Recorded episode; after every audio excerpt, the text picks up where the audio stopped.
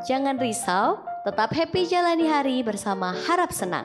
Shh, ada sahabat kapas podcast.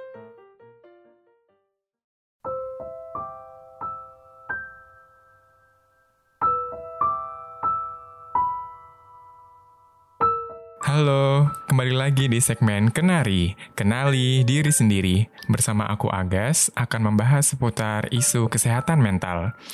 Masih di tengah-tengah pandemi virus corona ya. Gimana kabar kamu hari ini? Semoga selalu dalam keadaan baik, sehat, dan bahagia ya. Pernah nggak sih kamu merasakan sesuatu gejala dalam tubuhmu, lalu menduga-duga dirimu sendiri dengan suatu penyakit? Misalnya, saat kamu sakit perut, lalu kamu mencari di internet tentang gejala sakit perut yang kamu rasakan. Hasilnya ternyata mengindikasikan penyakit yang serius seperti kanker usus. Nah, jika pernah mengalami itu, maka kamu harus berhati-hati karena self-diagnose bisa berdampak buruk bagi kesehatan.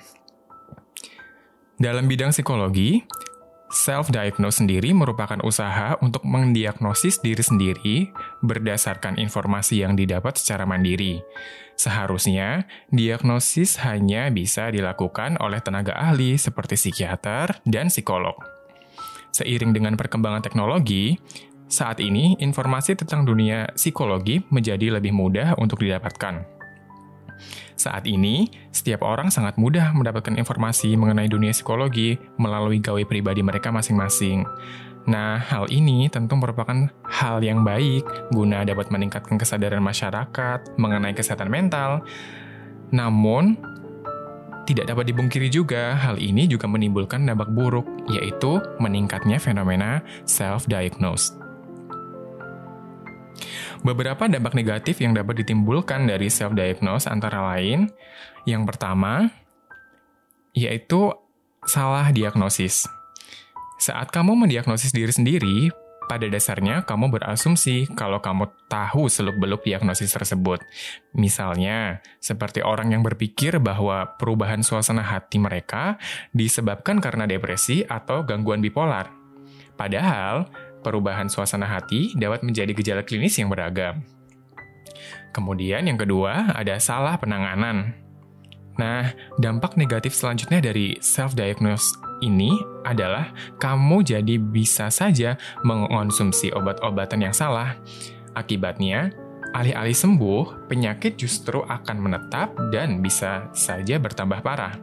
Kemudian, contohnya, kalau kamu mengalami nyeri lambung, kemudian kamu menganggapnya sebagai gejala naiknya asam lambung.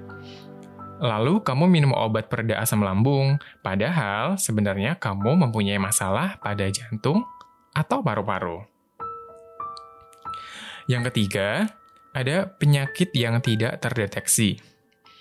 Salah satu akibat self-diagnose dalam sindrom psikologis adalah kamu mungkin melewatkan penyakit medis yang menyamar sebagai sindrom kejiwaan tersebut. Jadi, kalau mengalami seperti serangan panik, misalnya, mungkin kamu malah sebenarnya mengalami hipertiroidisme atau detak jantung yang tidak teratur. Kemudian yang keempat, memicu stres dan depresi. Bahaya lain dari diagnosis mandiri adalah kamu mungkin berpikir bahwa tubuhmu sedang mengalami suatu penyakit yang berbahaya. Misalnya, jika kamu mengalami insomnia, kamu mungkin percaya bahwa hal ini berkaitan dengan kondisi medis seperti gangguan tidur atau bahkan depresi berat. Contoh lainnya, kamu mengalami nyeri kepala dan merasa kepala sangat pusing. Nah, kamu lantas mencari informasi penyebab dari sakit kepala tersebut, entah itu dari internet atau informasi dari orang terdekat. Kamu pun terkejut tak kala mengetahui bahwasannya sakit kepala atau kepala pusing merupakan salah satu penyebab dari adanya masalah pada otak, seperti tumor dan sebagainya. Pada akhirnya, dengan berasumsi seperti itu, akan bikin kamu merasa cemas dan panik hingga berujung stres atau bahkan depresi. Memang, seperti yang tadi sempat disinggung, suatu gejala medis bisa menjadi pertanda dari berbagai masalah kesehatan, dari yang sifatnya ringan hingga serius. Nah, itu tadi beberapa dampak negatif dari perilaku self-diagnose yang perlu kamu ketahui. Aku harap kamu gak berjalan sendirian, tapi cobalah cari pertolongan atau bantuan orang lain ketika kamu merasa ada yang salah dengan diri kamu. Jangan pernah merasa takut untuk datang ke psikolog atau pro orang profesional ya. Mereka hadir untuk membantu kamu sehingga beban di pundak kamu bisa sedikit teringankan.